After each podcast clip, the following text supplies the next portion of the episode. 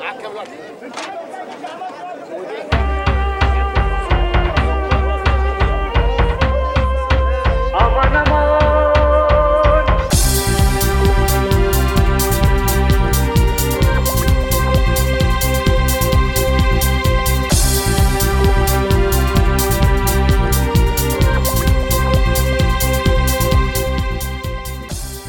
Ja, jag bollar bara i 25-gradigt plusvatten. Ja, men det är... Ja, men jag, jag, är inte, jag har inte inkarnerat någon gång här uppe i Norden heller. Jag är, för mig är det här okänt. Jag, jag, är, jag har alltid känt mig fel här. Du, du är på fel plats i livet. Ja, ja, det är Jag har aldrig trivts här uppe.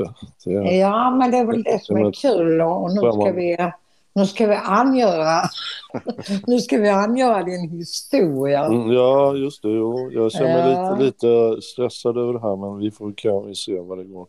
Eh, det, finns, det är lite dubbla känslor faktiskt. Erik, kan jag bara Ja. berätta för dig att jag sitter här och, och har penna och eh, papper. Mhm. Och sen har jag ritat en gubbe här. Ja, Och så har jag skrivit livsträdet. ja. Eh, och du hänger, jag vet inte om du hänger i någon krok, ungefär som jag har hängt upp det på väggen här va? Det är inte något sånt där som man ska det, hänga folk i. Vet. Äh, du menar hänga gubbe ja. Ja, hänga grupper. Mm. Ja. Nej, men... eh, Ja, du, ja, vi, har, vi har ju bara som hastigast eh, nosat på vad vi ska prata om idag. ja. Jag ska säga att jag har haft några dagar på mig där jag har bara gått och funderat på, ja, på ja, det ämne du tänker ta upp. ja, just det. Mm. Det var, det var så att Henrik och jag, vi hade ju en podd om våra pappor för rätt så länge sedan. Ja, Eh, och då tänkte vi att eh, det kanske skulle vara en idé också att prata om våra mammor. Och Ja. då var det ju så att vi i ett avsnitt, två avsnitt tidigare då så pratade vi med Avishai om hans mammas flykt då från eh, Nazi-Tyskland då till Israel. ja, Och det var ju en väldigt gripande historia.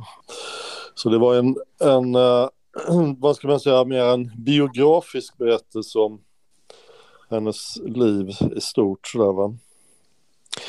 Eh, nu ska jag tänkte att jag skulle prata om min mamma denna gången och sen så ska också Henrik prata om sin mamma. ja. Du kan ju prata om din mamma också. Ja, vem vet. Ja, vem vet. Men eh, jag tänkte, vi, vi har ju pratat lite grann innan du och jag om det här med på vilket sätt, eh, eller vilken så att säga vinkling man ska ta upp det här. Och jag har ju några saker som jag skulle vilja prata med dig om då som, som, jag, Mm. som har präglat mig väldigt mycket. Tror jag. Eh, Och som härstammar från min mamma faktiskt. Eh, Får jag bara fråga dig en sak? Tror du att man väljer sina föräldrar? Det tror jag. ja.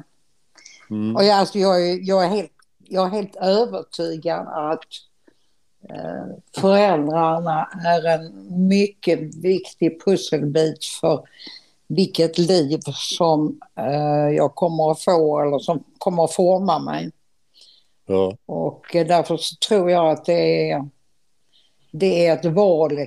Du, du vet ju inte om att du har gjort det valet. Så det Nej. ligger i så fall på själens nivå för eh, den kommer ner på jorden och föds här. ja. Ja, För det intressanta är, man brukar ju alltid säga så att man väljer ju inte sina föräldrar. Det är någonting som man hör väldigt många säger. mm. Men eh, om det nu är så att man faktiskt väljer sina föräldrar så eh, kommer ju allting i en annan dager. Och eh, ja. man får ju på något sätt fundera då på vad det är man ska lära sig av det som man får vara med om. Mm. Men du, eh, om du börjar berätta lite grann om, om mamma så får vi kanske upp naturligt alla de här frågorna efterhand. Va? Mm. Vad, vad heter hon till exempel? Min mamma hette Ingrid. Jag tycker det var ett rätt vackert namn faktiskt. Det var ju som Ingrid Bergman och Drottningen av Danmark. Mycket, ja. Det var ju ett, ett, ett, namn som var kanske rätt vanligt. För min mamma hon, hon var egentligen eh, gam, så gammal så att hon skulle kunna vara min mormor. Vilket hade varit egentligen mest naturligt därför att hon fick mig först när hon var 42 och skulle fylla 43. Och hon var alltså född i, på 10-talet, hon var alltså född 1915. Det var alltså mitt under första världskriget. Mm. Så att eh, man skulle kunna säga att det var två generationer mellan oss. Eftersom jag är född i slutet av 50-talet. Ja. Alltså hade, hade du sagt detta till en mamma idag att du är gammal som en mormor. Eh, då tror jag att det hade blivit protest. Det är ganska vanligt, det är inte helt ovanligt att man är första gångs mamma som 40-plussare idag. Eh, Nej, men, jag vet. Eh, men det var en annan tid. Vad jag förstår så är du född 1957, kan det stämma? Nej, 58. Nej, 58, just det. Ja. Ja men det var, jo absolut, för att när jag själv äh, gifte mig och fick barn, då var ju min fru 21 när hon fick barn och jag var 26. Mm. Äh, så att man kan ju säga att det skulle kunna ha varit så att min mamma också fick mig när jag var 21. Mm. Då skulle jag alltså varit född äh, 25, 35, 36 skulle jag vara född då, 1936. Mm. Men så var du inte. Men, och det är äh, klart att äh, hon var först, förstföderska som 42-åring och det är ju, det är ju medicinskt risk, riskfyllt. Eller ja, ja, absolut. Ja. Det är det. Mm. Uh, jag vet inte riktigt vad jag ska säga om min mamma egentligen. Hon var, hon var, en, hon var född i Stockholm förresten och det var andra generationen stockholmare och det var ju rätt ovanligt på ett sätt. Uh, för jag vet att när jag gick i skolan, eftersom jag är från Stockholm, så var, gjorde man en uh, handuppräckning en gång. Det var en lärare som frågade hur många av de här 30 eleverna i klassen eh, hade båda föräldrarna som var från Stockholm? Mm. Och då var det jag plus en till då som räckte upp handen, det vill säga det 28 av 30 elever hade inte föräldrar som Nej. var inflyttade då. Uh, och uh, hon uh, var, jag tror hon var sjuk eh, när hon var lite yngre. Hon fick någon, någon typ av problematik. Jag är lite osäker på vad det var, men hon var, blev i alla fall sjuk eh, på något sätt som jag tror också präglade henne. Uh, mm. i, i sitt uh, liv som kom där. Du, Han, men, får man fråga, vad är det för typ av uh, sammanhang, mormor och morfar? Eh, vilken... Eh, bor de i innerstan? Bor de i lägenhet? Jaha, ja, alltså min, min, uh, min morfar han, han jobbade som en tjänsteman inom järn, eller uh, järn, inte järnvägen utan Stockholms uh, järnväg tror jag. Mm. Så de var väl någon slags mellanklass skulle jag kunna tänka mig och han jag vet att han, de köpte ett hus, eller de bodde i ett hus när min mamma var liten som låg på Sveavägen. Det var ett sånt här kulturhus nästan mm. tror jag. Eh, som var faktiskt väldigt fint. Men sen så blev de, eh, vid Krygerkraschen så förlorade de eh, väldigt mycket pengar. Mm. Och då flyttade de till en lägenhet i, eh, på Vasastan någonstans där, tror jag. Och hon var väl uppvuxen där då. Mm. Uh, men jag tror hon föddes på Kungsholmen. Eller var det, ja, det var jag som föddes på Kungsholmen. Du, du, det här temat med Krügerkraschen ja. uh, och uh, alltså förändrade, plötsligt förändrad ekonomi. Ja. Är det någonting, kan du, kan du se någonting senare i din mammas beteende som tyder på att hon har blivit påverkad av, av sina föräldrars situation kring det här? Jag vet inte, jag tror, jag tror de var fem eller sex syskon och jag tror att var, hon var en, alltså hon var ju stjärntecknet fisk. Eh, så på ett sätt så var hon väldigt bedårande. Hon var lite, lite, jag skulle nästan säga att hon var lite f- kvinnligt, eh, lite ljuv sådär. Så att hon hade nog väldigt många kavaljerer tror jag. Mm. Och såg också väldigt bra ut. Jag skulle vilja säga att hon var vacker faktiskt. Mm. Eh, hon klädde sig alltid väldigt, väldigt snyggt eller tjusigt liksom. Det var, det var hennes grej att, att visa upp sig. Däremot så tror jag att hon hade en ett väldigt dålig självkänsla. Mm. Jag tror absolut att hon hade en dålig självbild och självkänsla och den tror jag att hon förmedlade till mig också. Ja. Ehm, men Men eh, kommer det då, tror du det kommer från ja, det vet, mormor jag, och jag kan inte säga. Vad sa du? så- Kommer det från mormor och morfar då? då? Nej, Alltså, mormor var ju mer traditionell kvinna. Jag tror hon var hemmafru. Ja. Eh, och Medan ja. morfar jobbade då. Eh, och nej, men han fortsatte ju jobba där på ja, så det var bara att spar, sparmedlen. på den där järn- järnvägs... Eller inte Ja. Stockholms spårvägar, vad heter? Mm. Och eh, mormor, ja hon tog väl hand om barnen sådär och sen så um, gifte väl min mamma sig eh, när hon var 21 tror jag. Mm. Och då hade hon också gått någon sån här, eh, jag vet inte om det var en sekreterarkurs men hon jobbade på någon sekreterarbyrå där på um, i Stockholm. Mm. Eh, Kungsgatan tror jag var. Och eh, ja, det, det var ju, hon levde och då var det väl också så att de, min, min mamma skulle jag vilja säga, hon, hon hade rätt många väninnor. Eh, och de umgicks liksom rätt mycket med andra människor. Eh, uh, verkar det som. När man ser, jag ser på gamla kort och sådär. Dels hennes syskon men också hade hon vänner tror jag. Och sen var det nog också så att i och med att mina föräldrar var barnlösa väldigt länge så verkar det som att de umgicks med andra barnlösa par. Aha, ja. Eh, För jag vet min ingifta moster och morbror, de var ju barnlösa och sen hade jag en så kallad, man sa det på den tiden, en gudmor. Och hon var också barnlös och med sin man och de umgicks också eh, väldigt eh, frekvent verkar det som.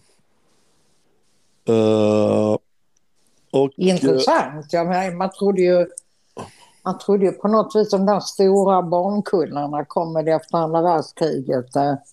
Ja, Eller hur? ja, Men eh, ja, men det gjorde de säkert. det gjorde de ju säkert. Ja, Eller, du- det var ju eh, så, de kom ju där. Men å andra sidan så kan jag säga att, de, ja det fanns väl människor som inte fick barn helt enkelt. Och det har det ju alltid funnits. Ja. Ja, och eh, för att jag menar, man kan tänka sig också, det blir ju ett väldigt stor skillnad när man har plötsligt ett barn att ta ansvar för.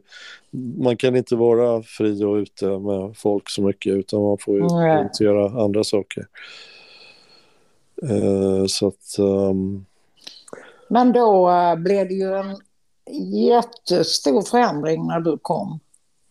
Ja, för det var ju så här nu och det måste jag outa min mamma. Det här är lite dåligt samvete för faktiskt. Men nu är hon ju i himlen och jag hoppas att hon förlåter mig för det här som jag säger nu. Men det var, mina föräldrar var ju gifta då i rätt så många år och eh, eh, de fick ju inga barn helt enkelt. Så. Och sen så var det en man som började uppvakta min mamma väldigt eh, Eh, sådär. Han eh, var tydligen ivrig verkligen för att trots att hon var gift. Så han var, var nästan lite eh, burdus tror jag har hon sagt. Och han lyckades till slut på något sätt övertala henne att följa med honom och då var väl det lite kall på tråden som man sa, mina, mina föräldrar. Det vill säga min mamma och min den mannen som jag sen levde med som jag trodde var min pappa. Mm. Så att sommaren 57 så åkte hon upp med honom till Dalarna, den här mannen som hade uppvaktat henne. Och där blev hon på en gång med barn. Det låter väldigt karmiskt sett ur din, om man ser till ditt liv. Va? Ja, men om vi, om vi säger så här då, att, att du sa, eller om vi, kom, om vi nu tror på det här att man väljer sina Ja, föräldrar, ja. då hade jag ju inte valt en pappa. Eh, eller jag hade valde rättare sagt den pappa som hon då Skaffa barn med, ja. skaffade barn med. Va? ja. Det var på något sätt hans gener och hans eh, eh, eh, så som, som jag, jag skulle då Ja, hela ödet. ödet. Ja, precis. Det här ödet Mm. som, som blev ditt. Mm. Ja, nej, men det är ju, det är ju väldigt dramatisk förändring. Ja, just det. Och det var ju så att nu kommer väl det som är lite dramatiskt och även kanske eh, väldigt eh, som, blev, som blev också någonting som kom att prägla vårt liv eh, tillsammans min mamma och jag. För det var så att när hon då var med barn då så eh, hade ju inte de skilt sig utan de levde ju fortfarande tillsammans den mannen hon var gift med. Och eh, sen vi, har hon sagt själv, jag vet inte om det stämmer, men hon sa att plötsligt så trodde hon att hon hade fått någon magåkomma liksom. Att eh, det var något fel liksom på Mm. hennes mage för att den började svullna upp. Eh, Ja, det var att hon var gravid. Ja. Ja, då visade det sig då, det var väl några väninnor som sa till henne då att men, du, du, du är nog inte, du är inte så. Men hon ville väl kanske inte eh, tänka att det var på det sättet då. Men eh, det var ju obvious liksom till slut, det gick ju inte att dölja. Och då, det har hon berättat för mig att då var hon i sjätte månaden, så det är ju väldigt långt gånget. Eh, om det är så. Men du, alltså får du ett intryck av att hon lite ångrar sig? Att hon var tveksam till om, om det här var något positivt? Ja, det, det är ju det som man undrar eftersom jag, jag, jag kan ju säga att jag, hon har aldrig sagt till mig att hon har ångrat att hon födde mig. Eh, det har hon aldrig nämnt med ett enda ord. Nej. däremot kan man ju tänka, om vi nu ser utifrån en kvinnas perspektiv på den tiden, eh, att vara otrogen med en annan man och bli med barn och sen så föda ett barn där hon hade varit gift i ett äktenskap redan i, eh, i 22 år. Eh, det var väl antagligen lite skämmigt skulle jag tänka mig, eller, eller vad, vad tror du? Tror du? Alltså jag tror framför allt att när hon då står där i sjätte månaden och inser att jag är gravid. eh, Bara tanken på att behöva ha det samtalet med den man som hon levde med Ja, är ju en mardröm. För ja, han var ju säkert införstådd med att han inte kunde få barn. mm, Så att eh, eh, jag, jag tror att det är en ganska orolig tid om man tänker sig att det kan ha en påverkan på dig också. Man, man säger ju Ja. att eh, eh, där finns ju tre, tre, till, tre tillfällen innan man föds så att säga eh, som påverkar en.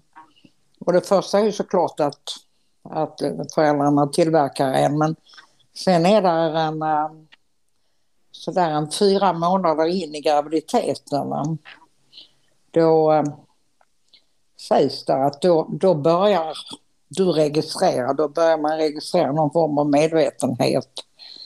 Och det betyder att det som händer din mamma under den här tiden och hennes oro och så vidare, mm, att det kan, det kan omedvetet sätta sig på dig också. Mm, Att du kan känna av det. Det kan vara lite spännande att ta med sig för att eh, det, den, är det någonting som inte är behagligt, är det, tillhör det din mammas liv så är det ingenting som du behöver bära på resten av livet utan du kan, du kan komma förbi mm. den oron som kan ha skapats under fostertiden. Alltså du menar att, man, att mamman präglar barnets... Eh, ja. Eh, eh, ja, okej. Okay. Redan, i, redan i fosterlivet alltså? Oh ja. Oh ja. Rent själsligt? Ja, ja okay. nej men jag, jag vet själv, jag har, jag har fått hjälp att titta på det här. Eh, och eh, eh mina föräldrar hade kanske inte heller, det var inte heller en hundra procent självklarhet att jag skulle komma till världen.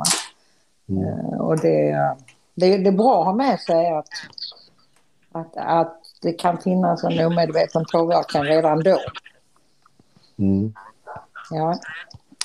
Ja, men då, då var det ju så i alla fall att, eh, och jag tänkte på en annan sak också när det gällde henne att det måste ju inte bara varit skämmigt att kanske berätta för, för hennes man, för att i och för sig så tror jag att han, han visste vad hon gjorde, att de kanske hade kommit överens om att det var ja. okej i och med ja. att de var i det läget liksom att ja, alltså de var ju nästan på väg att skilja sig. Va?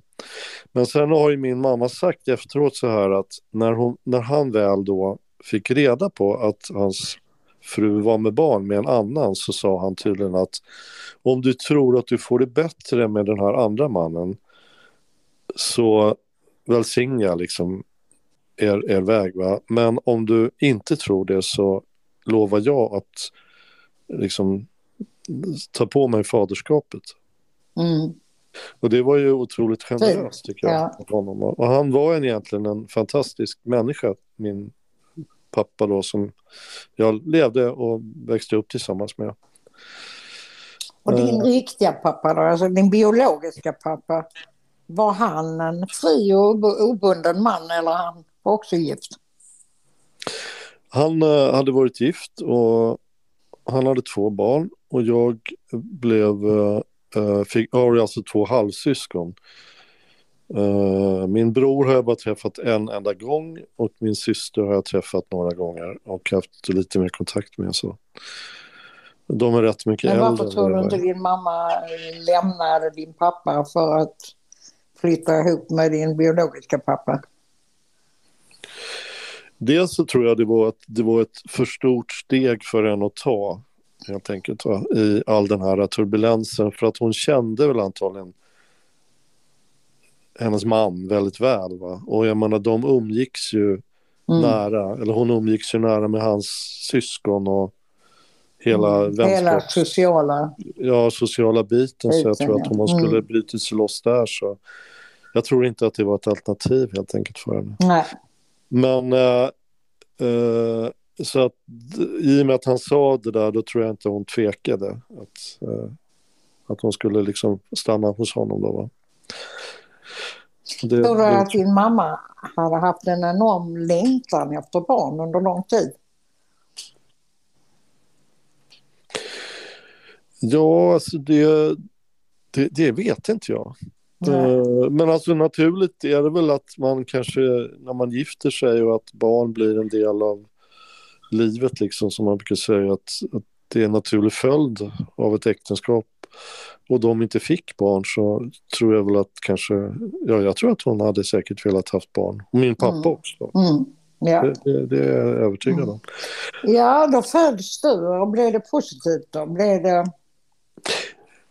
Ja, alltså det var ju då som det hände vissa saker då och det var dels så tror jag det var så här att det kan vara det att hon var så gammal. Men jag satt ju fast tydligen det var svårt att få ut mig. Så att då använde de någonting som hette tångförlösning. Mm. Alltså det var mm. som en tång som man... Ja, just det, man drar ut. Drar ja, ut barnet. Va? Och jag, ja. det otäckaste är faktiskt att jag har, jag har märken från den här tången i, i, i skallbenet mm. kvar. Så här, att jag, jag, kan känna det är en fördjupning där på ena sidan. Ja. Som jag antar, ja det är ju så poröst i början. Mm.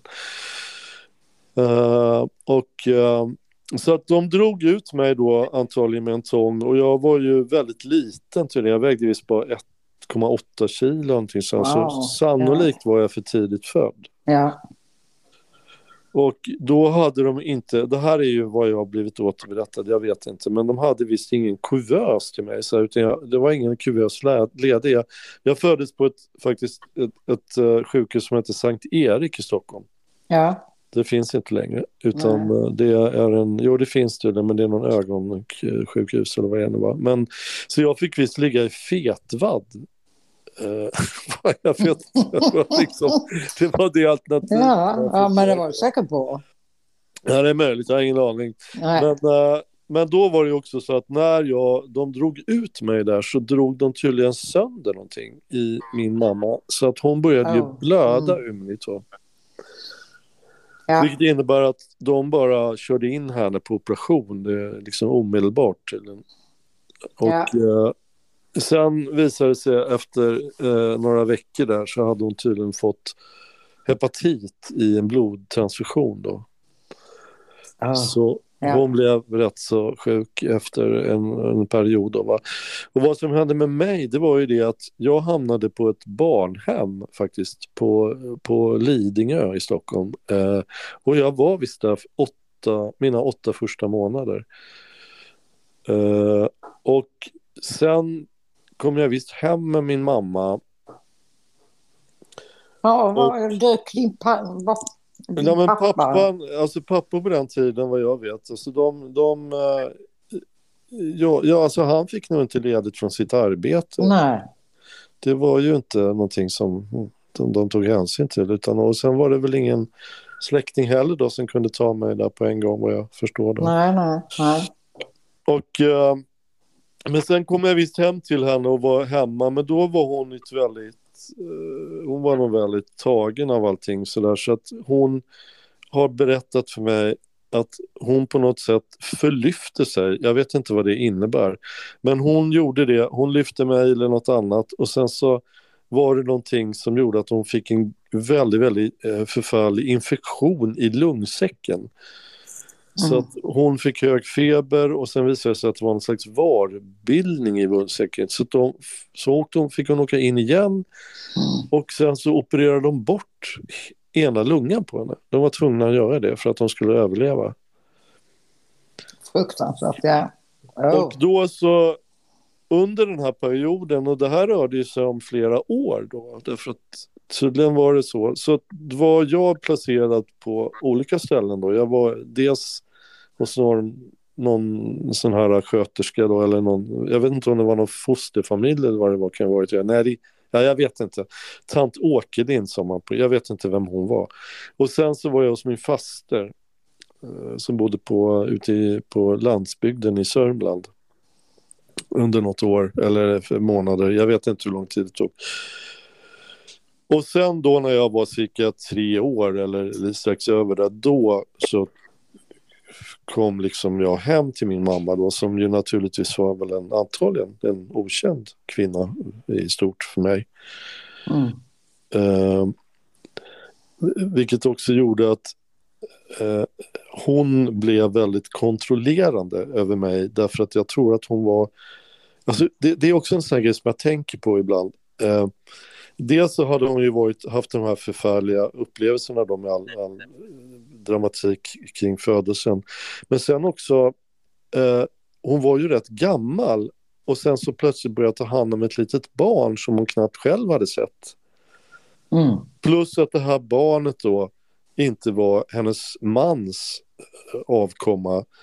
Alltså det var ju, det är många komponenter som jag kan tänka att hon, det var väldigt svårt men du, nu låter det lite grann som äh, att nu är det inte din mamma som talar utan nu är det Erik som berättar någonting om hur jävla besvärligt barn han var egentligen.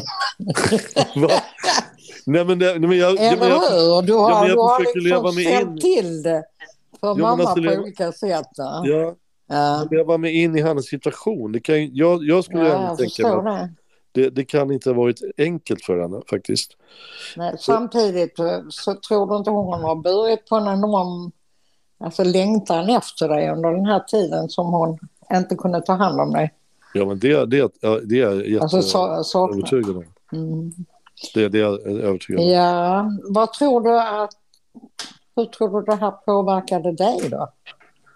Den här perioden? Ja, alltså jag, jag, jag vet ju att det har påverkat mig på olika sätt uh, i livet. Men, men sen får jag bara visa, sen för att det, det var ju så här att när hon väl tog hand om mig där sen så tror jag det att hon var, uh, hon klarade inte av riktigt min uh, vad ska man säga, jag var ju tydligen rätt oberoende av hon och mamma då.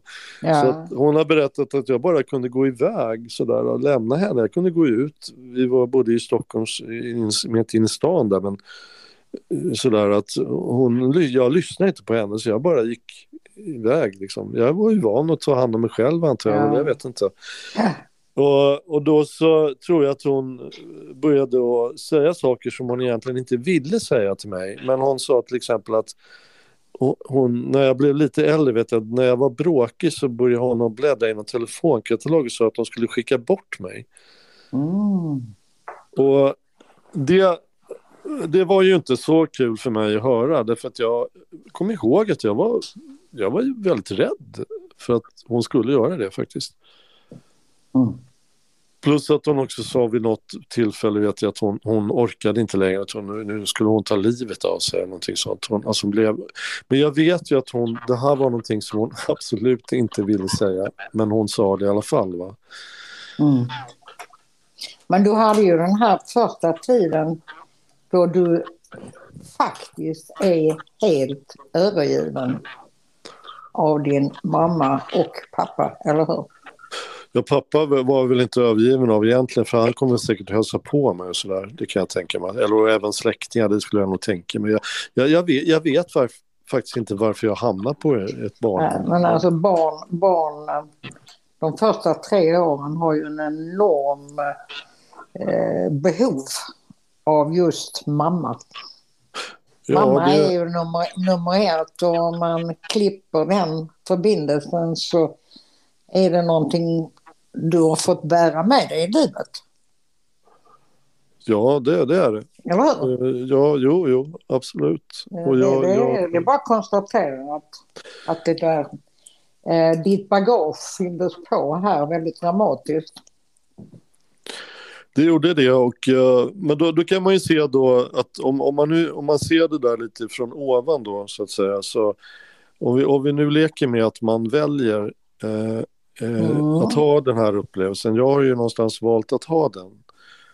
Så kan det kännas lite lättare ändå. Eh, att jag, jag, känner att det var någonting i den här processen som jag skulle ha för att kunna gå vidare och förstå saker i, i mig själv. Mm. Uh, och uh, det, det, var, alltså jag, jag kan ju säga som jag har funderat på också sådär innan man får ett ego liksom som kan se lite sig själv utanifrån sådär så tänker jag när man är väldigt väldigt liten och man inte har eh, ett språk va eh, då, eh, för jag har ju haft väldigt mycket sådana här fysiska sensationer va? alltså jag har varit rädd för att eh, liksom dö plötsligt alltså jag, jag har känt mig utanför mig själv jag har eh, mm. haft så grav panikångest. Ja. Och det är kroppen som liksom reagerar, kroppen som liksom mm. lever sitt eget liv. Jag kan förstå det, men det, det, det är klart att det är ett enormt trauma du gick igenom innan du hade eh, ett ego som du säger och hade språk. Utan du, du hade ju bara känsloupplevelser, kroppsliga upplevelser. Ja, det är klart att det sätter sig som ångest. Ja, därför att jag tänkte, alltså om man har, när man har ett språk sen och så kan jag säga att min mamma hon sa det här och det här till mig och då tänkte jag så och så eller jag liksom. Mm. Då, då kan man ju liksom kanske analysera och försöka komma fram till någonting. Men just det där när man har, innan man har ett språk så tror jag det är sannolikt att det faktiskt sätter sig i kroppen. Mm, visst gör det. Oh, ja. eh, och då kan man liksom, det är det som är rätt obehagligt också med sådana här panikångestsaker och så, därför att man kan liksom inte sätta sig utanför, utan man är på något sätt, eller jag var i alla fall väldigt, eh, jag, jag, var bara i, i den där känslan och även om jag logiskt kunde tänka sig, men det här är, du ska inte dö nu, eller det är ingen sabeltandad tiger som kommer att bita halsen av dig här nu. Men det gick liksom inte nästan det, jag, jag, Men du överlevaren i det, den måste ju ha varit orolig att, att din mamma skulle försvinna helt. Ja, hon var, ju, hon, var ju, hon var ju försvunnen men jag menar du var ju säkert medveten om att hon var sjuk och att ja. hennes liv eh, hängde på en skör tråd. Ja, I början var jag ju förstås inte det, men sen berättade hon ju det och, och sådär. Det var ju en, en story som hon berättade, för det var ju också så att sen när hon, när jag växte upp med henne, så tog, hon var ju lite för kontrollerande för mig. Och det intressanta med min, min eh, så att säga, modersbild är ju det att först lämnar hon mig. Mm. och jag, hon finns inte där, men sen när hon väl kommer tillbaka då blir hon eh, nästan för kontrollerande. Och eh, eh, skulle på något sätt eh, sätta sin prägel på mig väldigt hårt. Alltså hon ville ju att jag också skulle ha alla de här fina kläderna som hon köpte till mig. Hon, hon vattenkammade mig. Det var, det var som, jag vet inte, det är liksom, Mm. du vet innan jag skulle gå till skolan så här, det var, jag, jag tyckte det var Mm. jättejobbigt så här. För att jag skulle se fin ut i håret, det rufsade jag ju till när jag väl gick utanför dörren liksom. Men, eh, men det var... Men det du var, fick vara, vara både, det är det enda barnet som fick så du fick väl vara både pojken och flickan för henne va? Ja, Det är ofta vet inte, flickorna man Ja, nej men alltså poj, pojkar på den tiden skulle väl också se lite, jag menar det var ju väl inte bara, ja, jag vet inte. Nej, nej. Man hade ju små flugor och sådär, man hade ju, Mm. såg ju fint Men Jo, ja, jo. jo, det är klart. Så att, det, det var, vet jag inte. Men, men å andra sidan, så, jo men sen är det också så att när, när, i och med att hon, vad hon gjorde sen i livet, det var ju också det att hon själv hade ju fysiska saker för sig. Och det kan jag verkligen känna att jag har ärvt. Hon till exempel kunde säga till mig, oj oj vad min puls slår, ska du känna här?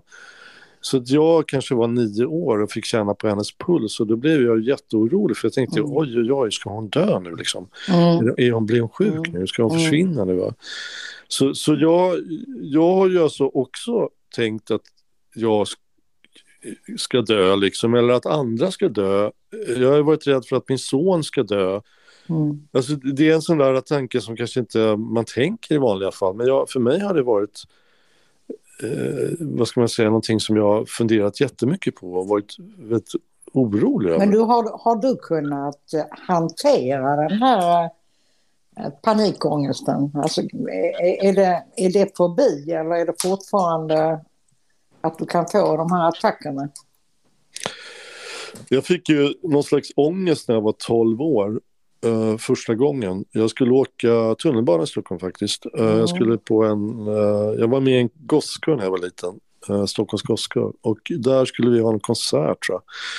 Så jag skulle åka från där jag bodde vid Mariatorget upp till Gustav Vasa kyrka. Och då kom jag med tunnelbanan till T-centralen och då plötsligt när jag satt där och jag var ju bara 12 år så, så kände jag så här att nej, men jag, jag tror jag kommer att eh, liksom dö här eller jag, jag, jag får Mm. ingen luft sådär va.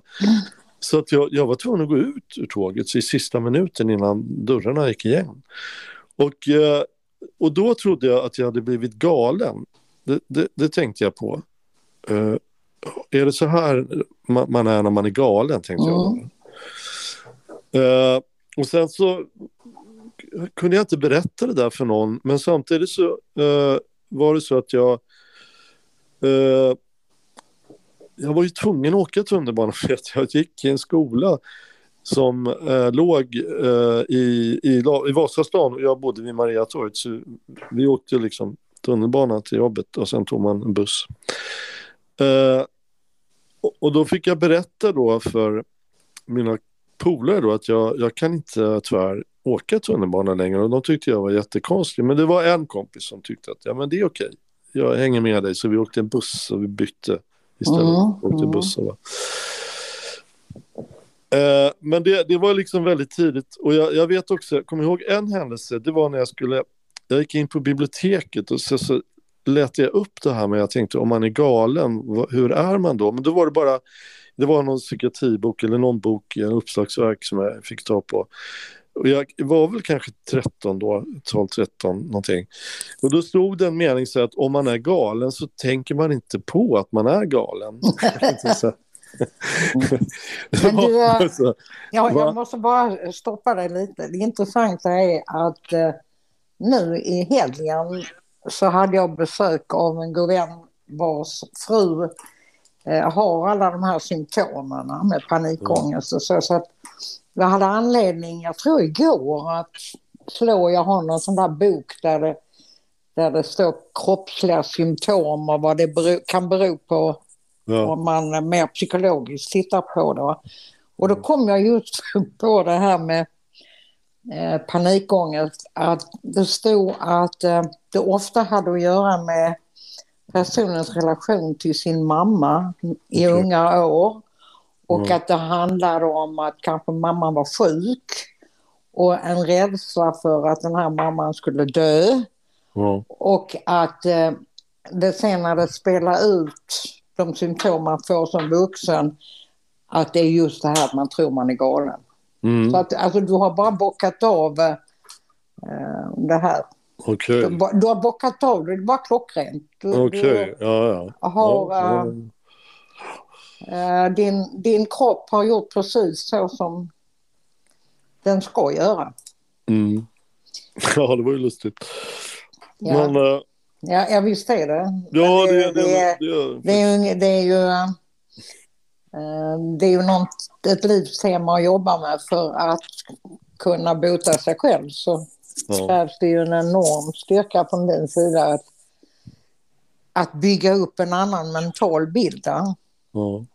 Eller hur? Att, att Absolut. få bort Men... rädslan så att säga.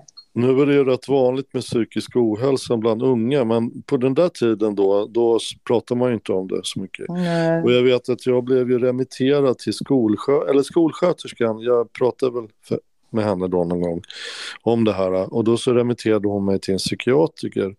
Och det, jag kommer ihåg den där dagen när jag var hos den där, det var min mamma med också. Och då var det en äldre, eh, jag ska säga gubbe skulle jag nog kalla honom för faktiskt. Uh, I någon sliten uh, brun kavaj där. Han var väl rätt stor också tror jag. Och, uh, och han pratade väl lite grann med mig och jag förklarade vad det, vad det var som var problemet. Och då så skrev han ut någonting som heter Librium bara. Mm. Och det var väl närmast som Valium tror jag. Och så sa mm. han till mig att ta nu en tablett varje gång du ska åka tunnelbana då. Och nu var jag ju, kunde varit jag 13 år då eller 12-13. Uh, eh, så att det, var, det var vad de tyckte man skulle göra då. Men det är väl ungefär vad de tycker idag också. Så att... ja, men det, det fanns ju de här valiummissbrukarna, eh, eller du vet, som ja, ja, sådana ja, ja, olyckliga hemmafruar som... Ja. Men, men jag menar, det, det var ju rätt... Jag, jag, instinktivt så kände jag att nej, men jag kan inte ta den här tabletten varje gång jag ska åka tunnelbana, för då måste jag göra det här flera gånger om dagen. Eller hur? Så att det, det var ju inte att tänka på, utan jag, jag lyckades väl på något sätt vänja mig vid det där. Men det tog en del år. Men sen en gång när jag var, hade blivit lite äldre så kom jag på att jag hade inte den där eh, skräcken för att åka tunnelbana när jag kom utomlands. För jag var, i Paris en gång. Då tänkte jag, ja, då tänkte jag inte på det ens en gång. Jag bara gick på den där tunnelbanan. Och likadant i München, det var samma sak. Eh, då tyckte jag det var väldigt konstigt. Jag tänkte, har det här tillsammans med, liksom, har det att göra just med Stockholm? Sett för mig. Mm. Ja, det var väl det. Det, det var väl i Stockholm liksom som, mm. som uh, det här traumat liksom. Mm. Du, he hela det här, alltså det här jättespännande paket du har fått med dig eh, som liksom eh, hela din livsscen eh, blev ju präglad av det här. Och då undrar jag på vilket sätt har du eh, kunnat ta vara på de här erfarenheterna på ett positivt sätt och har haft användning för det i livet? Mm. Det här som, som hände dig. Ja. Kan du, kan du säga, du säger något, någonting om att mamma eh, jag var ganska så självständig där. hade mm. vant mig av vid mamma och, och uh, tog hand om mig själv. Har, har, du, har du kunnat använda dig av den egenskapen senare i livet? En grej som jag är rätt glad över att jag inte har fallit in i kan man säga, det är alltså att jag, jag har faktiskt aldrig känt mig, eh, vad ska man säga, lockad att missbruka något. Eh, jag skulle kunna faktiskt eh, istället för att uh, liksom dämpa den här ångesten med något, någon Mm. typ av, av eh, drog eller, eller alkohol eller så. Mm. Men det, det, det är någonting som jag har värjt mig mot faktiskt. Jag, jag kan säga, eh, sen hade jag, jag kan bara säga, eh, alltså jag har ju haft ungefär eh, stor eh, del av mitt liv så har jag haft från och till sån här panikångest eller jag har mått väldigt psykiskt dåligt men jag har alltid liksom dels hållit masken eh, väldigt bra men samtidigt har jag också precis hållit näsan över, eh, vad heter det, vattenbrynet, eh, ja, vattenytan va. Mm. Eh, och, eh, men väldigt tidigt i mitt liv, och det vet jag inte eh, vad det kan bero på, men det var ju så att jag blev en sökare, kan man säga. En andlig sökare. Ja. Eh, jag började fundera mycket på helt enkelt vad, vad var livet och vad gick livet ut på? Och är det meningen att liksom, eller finns det någon mening med det som sker? Och därigenom så började jag ju söka på olika sätt. Eh, eh, väldigt tidigt i mitt liv faktiskt. Eh, Mm. och eh, jag var ju rätt mycket inne i antroposofin i början, eh, på, när jag var 20-årsåldern där. Och Vad är det, det för något? Antroposofin, Ja, ja, vad är det? eh, ja det är ju en, eh, Är det en andlig inriktning eller ja det? kan man säga, det är ju de som har Waldorfskolor och uh, för sådana här eh, alternativmedicinska och biodynamisk jordbruk. Känner du inte till antroposofin? Jo, men eh, mm, inte tillräckligt bra. Nej, alltså det Eh, var jag ju... bara vet, vet att eh, man förknippar när Hilma och Klink med, med den rörelsen. Och, Ja, nu gör man ju det. eh, och eh, Waldorfskolan känner jag ju till, för det har Mm. mina barnbarn gått. Men, Mm, men alltså jag, jag måste säga att jag är inte riktigt påläst.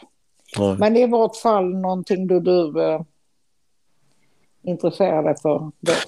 Nej, men det var ju Rudolf Steiner då. Det är han som har startat den rörelsen. Ja, ja. Och ja. eh, han var ju en del av den här, eh, vad ska man säga, 1800-tals esoteriska eh, rörelsen med Blavatsky Mm. och Annie Besant och den här teosofiska rörelsen då. Du, han, jag, jag tror vi kommer lite långt ifrån ja, det får nu. vi. Ja, det gör vi. Mm. Men i alla fall, eh, antroposofin var jag inne på. Sen träffade jag ju en, en väldigt, som har betytt otroligt mycket för mig faktiskt, och det var ju Ambres. Eh, det var en snickare, Sture Johansson då, som eh, hade en eh, entitet inom sig då, som var en fantastisk kärleksfull och mycket vis ande helt enkelt som hade kurser som jag kände mig också väldigt, väldigt förbunden med. Och han har hjälpt mig bland annat med det här som jag har haft som en livsdrama då. Då blir det lite grann som psykoterapi eller något sånt. Alltså, du vet att man går tillbaka och Mm. tittar på vad sätt har min barndom påverkat mig. Mm. Jo, var men det, det den var... typen av processer du eh, fick? Ja. Jo, Ja. nej, så, så var det. Att, alltså, jag har ju också gått i vanlig terapi, eh, vanlig samtalsterapi i rätt så många år faktiskt. Men eh, en vanlig terapeut så att säga, den kan ju, vill ju inte gärna prata om saker som har att göra med det hinsides eller så att säga att Det man sätter män, ja. människan i ett Nej, större meningen. perspektiv. Mm, mm. Utan att eh, de håller ju till eh, vad som sker här och nu, vilket ju Mm. naturligtvis är jättebra. Va? Men för mig så var det också inte riktigt tillräckligt. Va? För att jag, jag, jag måste få ett djupare och större perspektiv på vem jag var. Så, va? Så vilka likheter är det mellan mamma och den kvinnan som du gifte dig med och som jag vet du fick barn med också som är... Ja. Är det några likheter mellan mamma och den kvinnan? Eller Jag skulle liksom vilja säga det att jag valde väl henne eller blev förälskad i henne på grund av att hon var väldigt olik min mamma. Jag skulle säga att hon var hon, hon kändes som hon skulle vara diametralt motsatsen.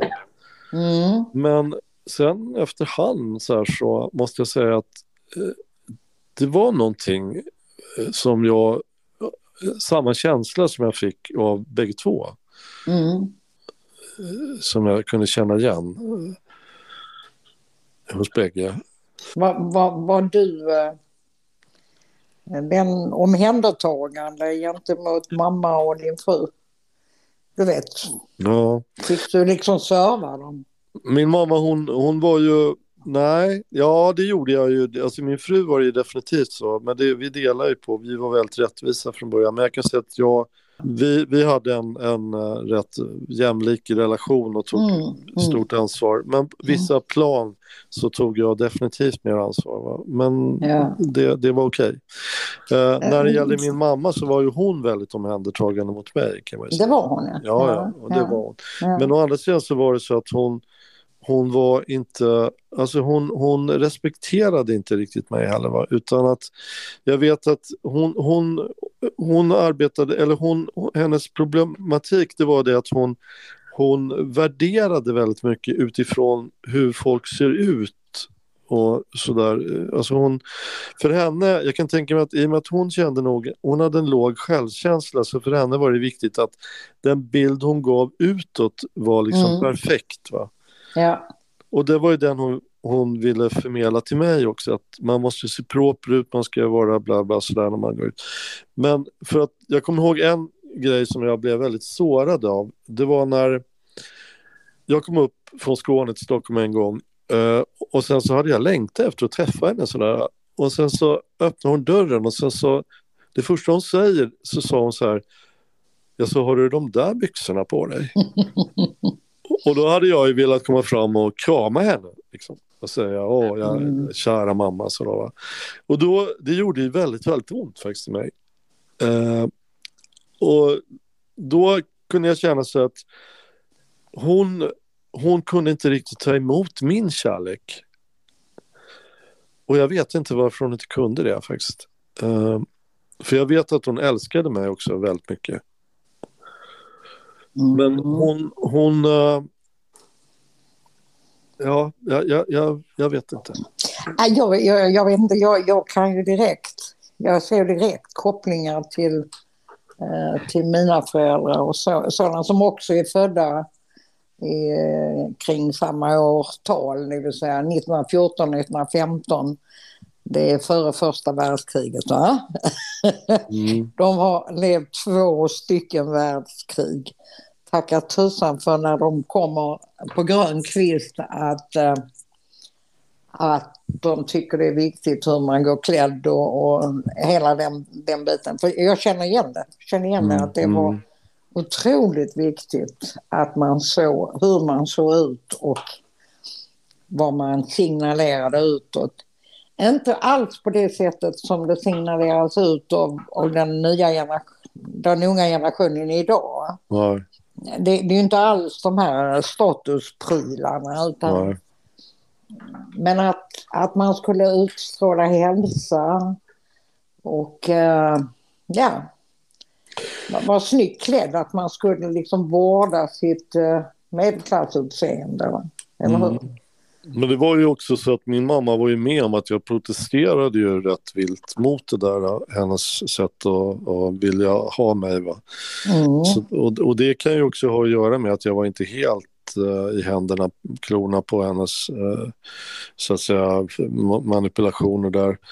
Utan att jag, jag blev ju rebellisk snarare. Va? Ja? Ja. Eh, ja, men det är väl också, det är också naturligt. Ja, visst är det väl det. Va? Och sunt. Ja, Det är ju sunt. så, så att, eh, men sen, sen eh, var det också en, en annan lite, eh, jag ska inte säga att lustig sak, jag vet inte hur jag ska uttrycka det, men i och med att hon sa hela mitt uppväxt och så att hon skulle dö, alltså jag, jag trodde hon Mm. skulle dö eftersom hon Mm. hade varit sjuk och sådär. Och, och, men samtidigt måste jag säga att hon måste varit en otroligt stark kvinna, rent fysiskt också stark, eh, för att hon, alltså då man tänker att hon hade bara en lunga, eh, så var det så också att hon blev ju väldigt, väldigt gammal. Hur gammal blev hon? Hon blev nästan 91 år. Hon Wow. skulle fyllt 91 bara några månader eller veckor. Ja, ja. Och då var det också så att hennes syskon och vänner och sådär, de, de dog ju av. De, de liksom, ja, det, det, det var ju hon som hade sagt att hon trodde inte hon skulle bli så gammal, men alla omkring henne dog liksom. Mm. Utom hon. Och sen var det så att det var en julafton eh, 2005 tror jag.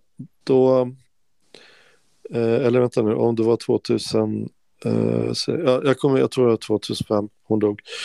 Då hade jag åkt upp från eh, Lund eh, till Stockholm och eh, då så skulle hon, hade hon gjort julmat och allting var jättemysigt sådär och sen skulle min moster då som var ingift moster också fira med oss då.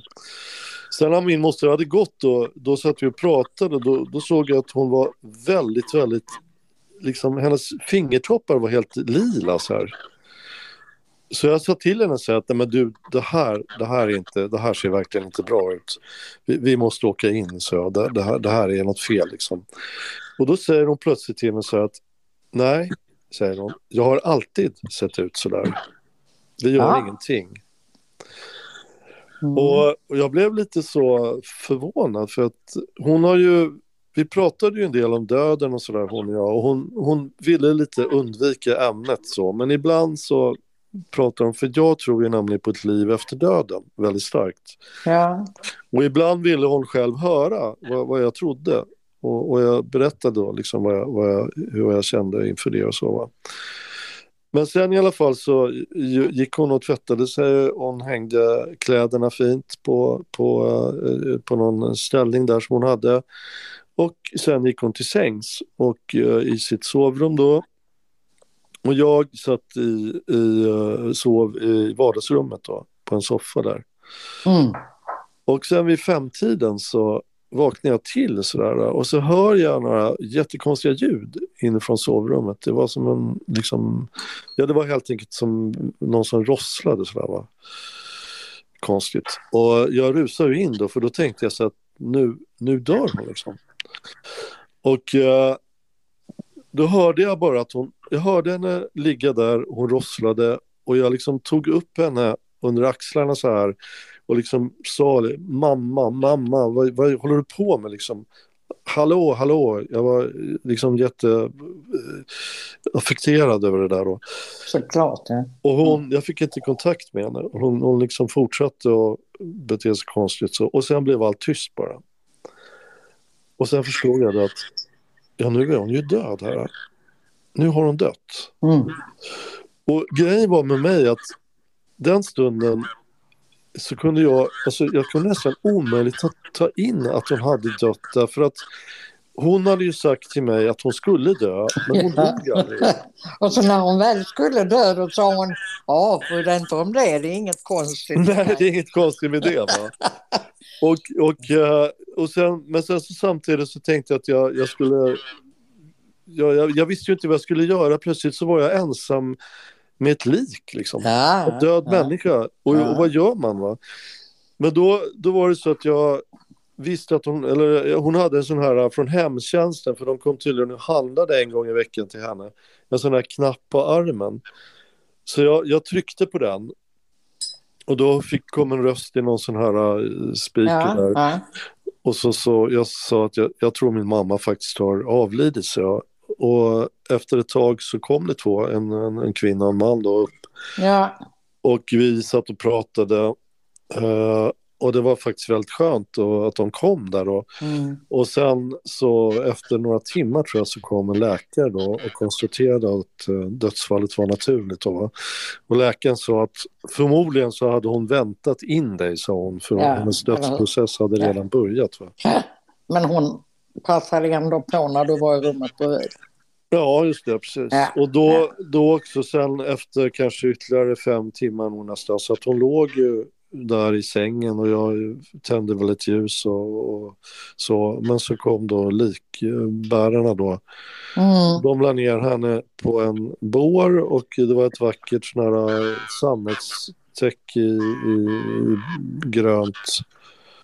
Och eh, ja, sen bar de ut henne med huvudet före, så att säga, som man säger. Och sen... Men du, var, var, var hennes man, din faktiska pappa, var, var han redan död? Ja, han dog ju också några år innan henne.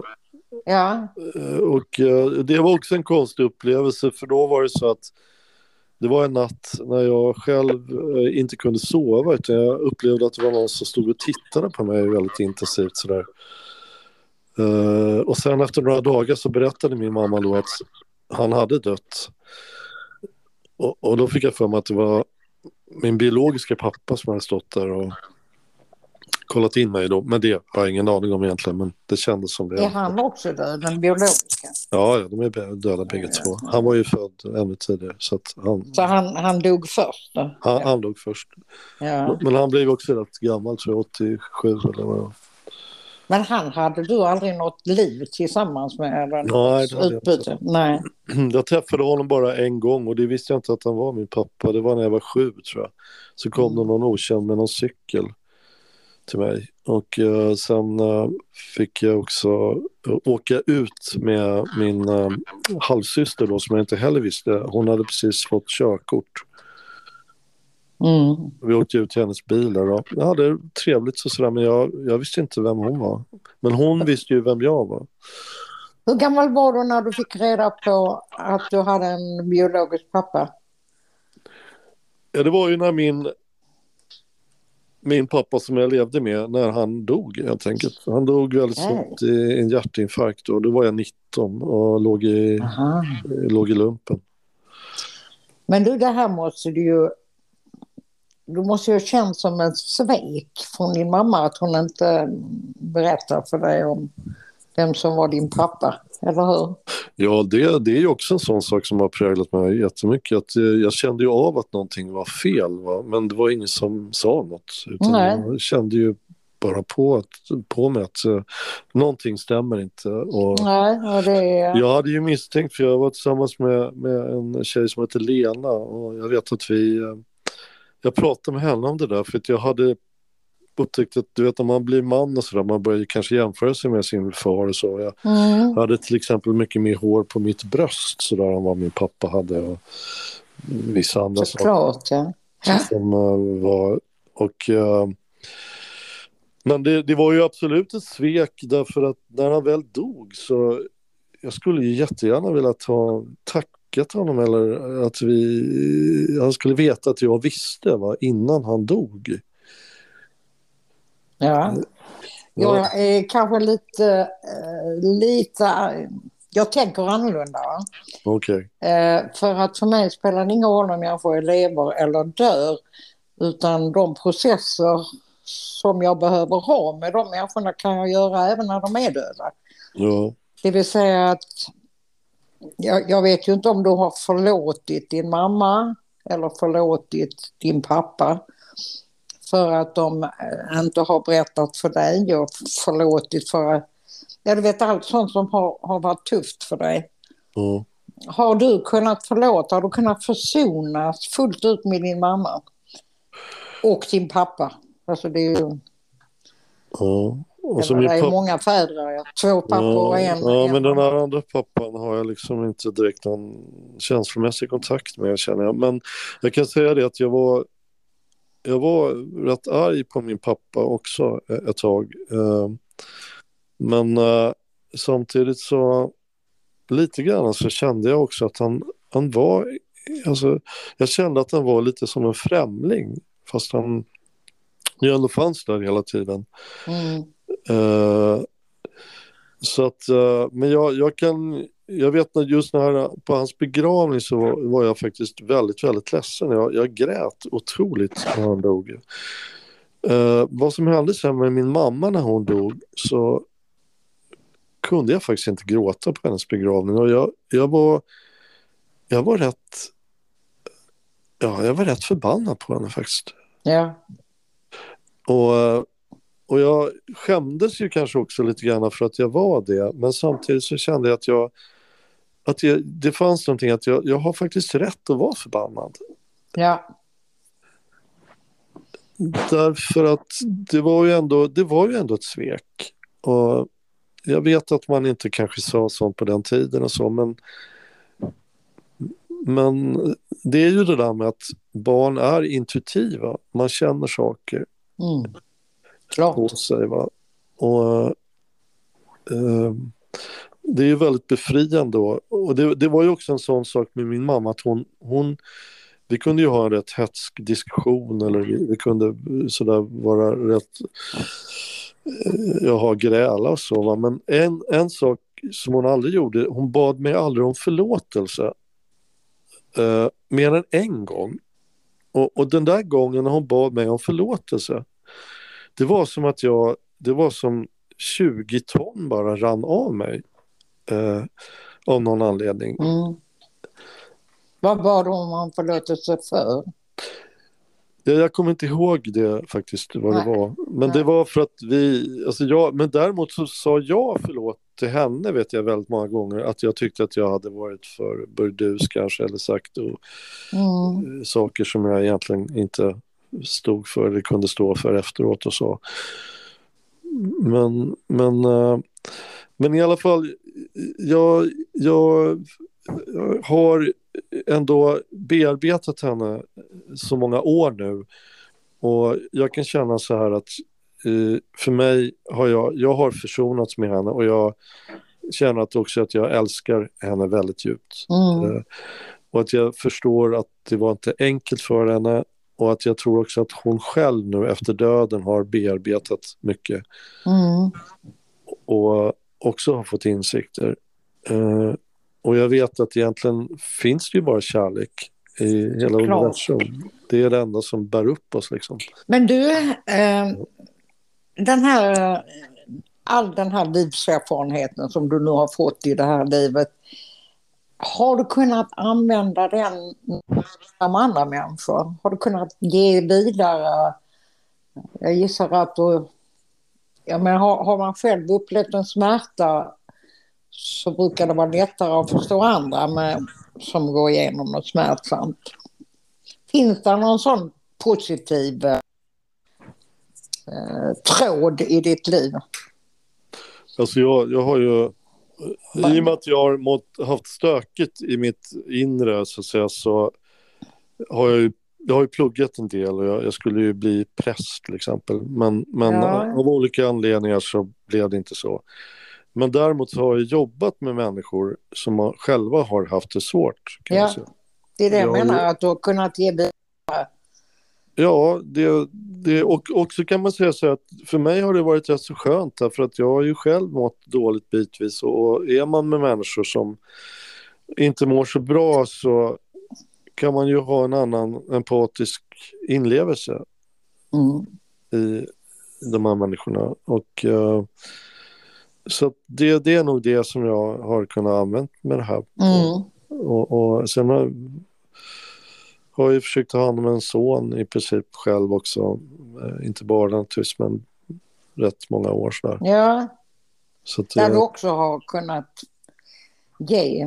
ja men det är mycket som jag också inte känner att jag Ja. kunde ge till Men, honom. men alltså det är ganska spännande när man börjar och först titta på eh, den här perioden som du onekligen är. Du är ju ett offer såklart. Du är ett offer. Men sen plötsligt så när livet går vidare så den här offret blir någonting annat. Det blir någon transformation till någonting positivt. Du ja, blir en, eh, du blir en resurs. Du blir inkännande. ja. Och du får en pusselbit till om vad det innebär att leva. Meningen med livet. Ja det, det, det är absolut, jag, jag tror det också. Det kan, Ja. det kan bli så. Att, eh, det är väl så med alla människor har ju utmaningar. Det finns ju ingen, inte- inte en enda människa tror jag som inte får någon utmaning i livet. Nej, eller hur? Och m- man brukar ju säga, och det tror jag inte heller är en klyscha, att man växer med i motgångar också på något sätt. Det är klart.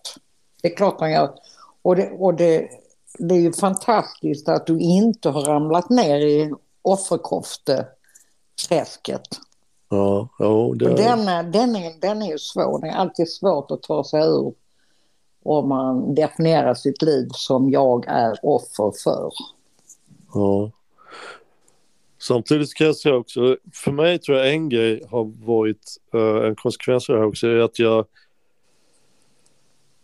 jag har fått eller jag, jag har inte kunnat utveckla mitt ego så mycket. Um, alltså jag, i och med att jag, jag, det, jag gjorde inte den där jättestora fantastiska karriären som jag tänkte jag skulle göra. Nej. Uh, utan att jag har fått harva omkring på andra plan som jag gjort att jag, jag har kunnat lättare släppa mitt ego på något sätt. För att jag har inte haft så mycket att hålla fast vid. Eh, Nej. Jag vet inte hur, man, hur jag ska uttrycka det riktigt. Men, Nej, jag kan förstå. För att jag har också känt mig otroligt dålig i stora, långa perioder. Alltså jag är dålig som liksom vad jag har gjort och så. Men, men å andra sidan så det är ju plågsamt att ha den där äh, trista självbilden så då är det lika bra att lämna det. Och mm. Försöker jag bara vara i ett, i ett nu liksom och sen glömma bort helt enkelt. Glömma bort sorger, bekymmer och besvär. ja, men lite faktiskt. Var glad för, ja, för allt som livet ger. Men å andra sidan så kan man ju äh, ge sin skugga äh, hela den här tunga biten. Kan man inte bara ge den en bamsekram och säga att det här är också jag? Ja, det kan man absolut. absolut. Vad, vad, vad är det för fel på att äh, ha ett, äh, ett böljande hav eller ett stormigt hav som inre? Mm. Äh, för att när, när vågorna går upp och vågorna går ner. Du vet ju själv att det är ganska spännande och, och när vågorna går upp är det jättekul. Sen är det, det är inte så kul när det går ner. Men det är ju också, det är ju du. Ja, alltså jag... Det, det är ju fantastiskt. Ja. Det är ju bara liksom att krama hela dig och säga att det här, mm. Jag har ju fått en sak som har varit lite tråkig. Att jag, fick, och det, det var, jag har haft en väldigt sträng värdering på olika saker och det, det tror jag absolut jag fick av min mamma. Ja. Uh, som har gjort att jag också har värderat mig själv uh, väldigt kast. Uh, utifrån någon slags mall som jag, jag, tyckte att jag borde leva upp till så att säga. Men det, det jobbar jag lite fortfarande med. Och, och jag tror att jag har lyckats någorlunda. Men du, om du vänder på det här. Jag känner ju en bit av det. Ja. Eh, alltså jag vet ju ingen som har så bra koll på eh, tio Guds budord och vad, vad, vad eh, både kristendomen och vad, vad Bibeln har att säga om moral, i moralfrågor. Jag har känslan av att du har du har, moralisk, du har en känsla för moraliska rättesnören och någonting fint, eller hur? Ja, fast jag hoppas att jag har utan att läsa Bibeln. Det, det är sånt som man... Alltså nu är ja, inte man, jag alls ja, ja, Bibel men jag menar, det är ju, spräng, typ. Man behöver inte läsa Bibeln, men på något vis så, ehm, så ger ju alltså, esoterik, religion etc det ger ju moralregler, det ger ju rättesnöre. Eller hur? Ja, det, det alltså man ska vara snäll mot andra människor. Man ska liksom inte... Man ska inte luras och man ska inte det ena och det andra, eller hur? Det... Samtidigt så gör man ju vad man gör liksom. Ja, det är också det där med att jag tycker att det, det handlar om värderingar. Att vi värderar ju ja. vad som är fint och vad som är inte fint och vad som är eh, mm. ont och vad som är gott och, och så. Jag, jag, tror det är det, det med man måste komma ifrån. Uh, även om det finns naturligtvis övergrepp och så som naturligtvis man ingen kan försvara. Men, men å andra sidan så i det längre perspektivet som jag har sagt nu, det här med erfarenheter. Varför mm. får man vissa erfarenheter? Finns ja. det någon som helst mening? Eller är de bara slumpmässigt eh, bara kastade i ansiktet på en? Va? Uh, det, det, är ju en filosofisk fråga och den... Det är ju det det bara är- låta hänga i luften. Men eh, Den, den får man ju låta hänga. Ja, För mig i alla fall så, så är, är det tryggare att tänka sig att det finns en mening med vad som sker. Och eh, jag kan vila i det och det, det är okej. sådär. Men eh, det var jättekul att prata med dig Marie. Och, Det var kul att prata med dig. Tack Ja, ja, för att du har velat dela din Ja. mamma med mig. tack själv. Mm. Ha det gott. Ha det Hej, gott. hej. hej. Hej då. Hej, hej.